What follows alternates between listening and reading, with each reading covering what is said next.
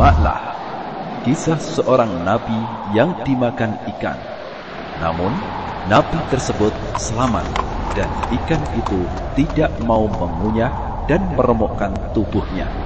Bahkan, nabi tersebut bisa sholat di dalam perut ikan. Subhanallah, bagaimana ya kisahnya? Ikuti dalam kisah ke-12 dengan judul Kisah Nabi Yunus alaihissalam dimakan ikan. Anak-anakku sekalian, semoga Allah merahmati kalian semuanya. Nabi Yunus alaihissalam diutus Allah subhanahu wa ta'ala kepada penduduk negeri Nainawa. Sebuah negeri yang terletak di Mausil beliau menyeru mereka kepada Allah Subhanahu wa taala. Tetapi mereka enggan dan terus berada dalam kekufuran. Maka Nabi Yunus alaihissalam keluar dari negeri Nainawa sambil mengancam bahwa azab akan turun kepada mereka setelah tiga hari. Ketika azab itu mulai terjadi mereka sadar Nabi Yunus alaihissalam marah dan mengancam mereka.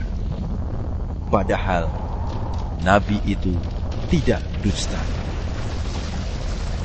Mereka segera keluar ke padang luas membawa anak-anak dan hewan-hewan ternak mereka.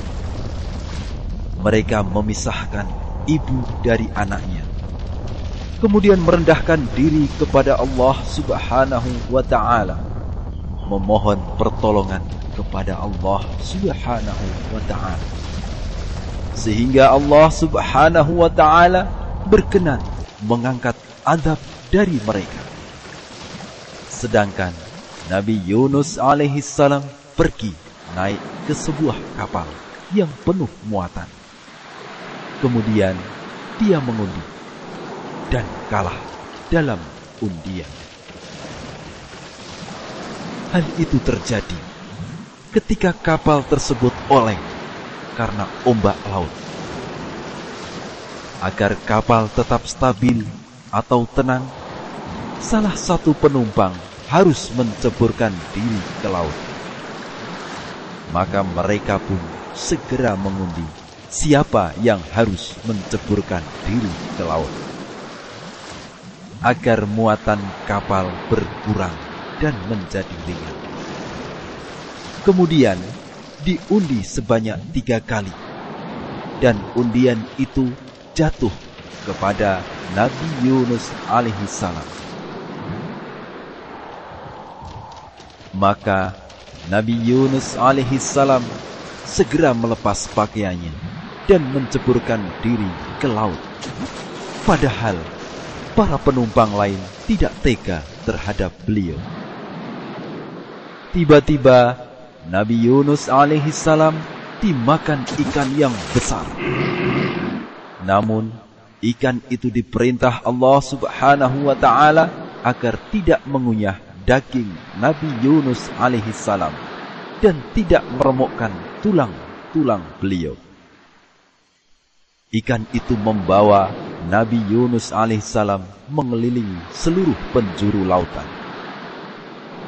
Saat berada dalam perut ikan besar itu, Nabi Yunus alaihissalam mengira bahwa dia telah mati. Kemudian Nabi Yunus alaihissalam menggerakkan kepala dan melonjorkan kedua kakinya serta ujung-ujung kakinya.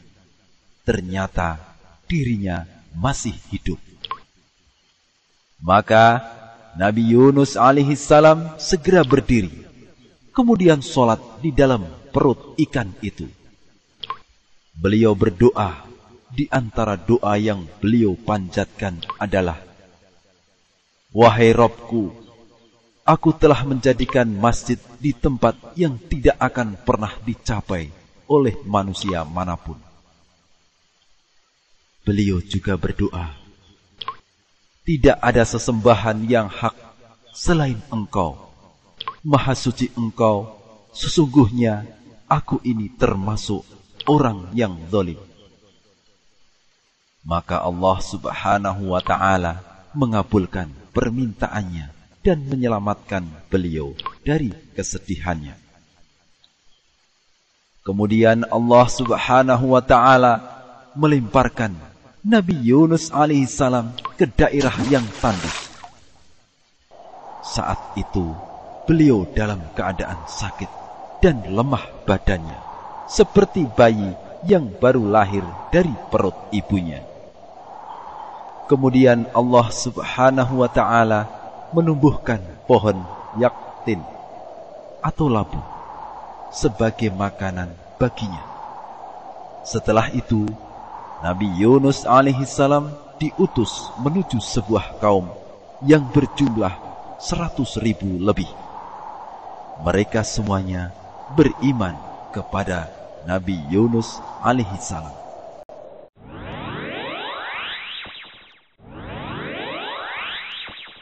jadi seru sekali ya kisahnya Nabi Yunus yang dimakan ikan tadi adik-adik. Jadi adik-adik harus tahu di balik kisah Nabi Yunus alaihissalam yang dimakan ikan tadi pasti terkandung faedah-faedah berharga untuk kita semuanya. Karena itu, adik-adik sekalian, simak dengan baik faedah-faedah apa yang ada di dalam kisah Nabi Yunus alaihissalam. Yang pertama, wajib bagi kita untuk taat kepada Allah Subhanahu wa taala dan kepada rasulnya dan dilarang untuk ingkar kepada Allah dan kepada Rasulnya. Kemudian kaidah yang kedua, kita harus senantiasa memohon pertolongan kepada Allah Subhanahu wa taala agar dijauhkan dari azab Allah. Kemudian yang ketiga, Allah Subhanahu wa taala itu maha kuasa atas segala sesuatu Allah Subhanahu wa taala itu memiliki kuasa atas segala sesuatu. Kemudian yang keempat, wajib bagi kita untuk bertaubat kepada Allah Subhanahu wa taala atas segala dosa-dosa yang telah kita perbuat dan Allah Subhanahu wa taala adalah Maha Pengampun segala dosa.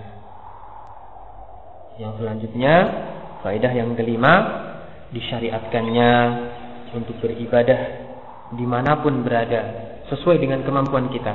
Sebagaimana Nabi Yunus, ketika Nabi Yunus berada di dalam perut ikan, Nabi Yunus melaksanakan sholat di dalam perut ikan. Ini berarti bahwa kita disyariatkan untuk beribadah kepada Allah di mana pun kita berada sesuai dengan kemampuan kita.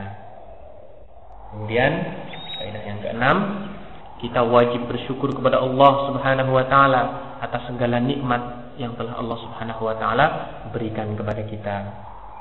Karena kenikmatan yang Allah Subhanahu wa taala berikan kepada kita itu tidak terhitung jumlahnya adik-adik. Coba, apa ada di antara adik-adik yang bisa menghitung nikmat Allah yang telah diberikan kepada adik-adik sekalian? Tidak ada. Tidak ada yang bisa menghitung nikmat Allah Subhanahu wa taala yang telah diberikan kepada kita. Oleh karena itu, kita harus bersyukur kepada Allah Subhanahu wa taala atas nikmat-nikmat yang telah Allah limpahkan kepada kita semuanya. Itulah tadi adik-adikku sekalian beberapa faedah yang bisa kakak sampaikan berkenaan dengan kisahnya Nabi Yunus yang dimakan ikan.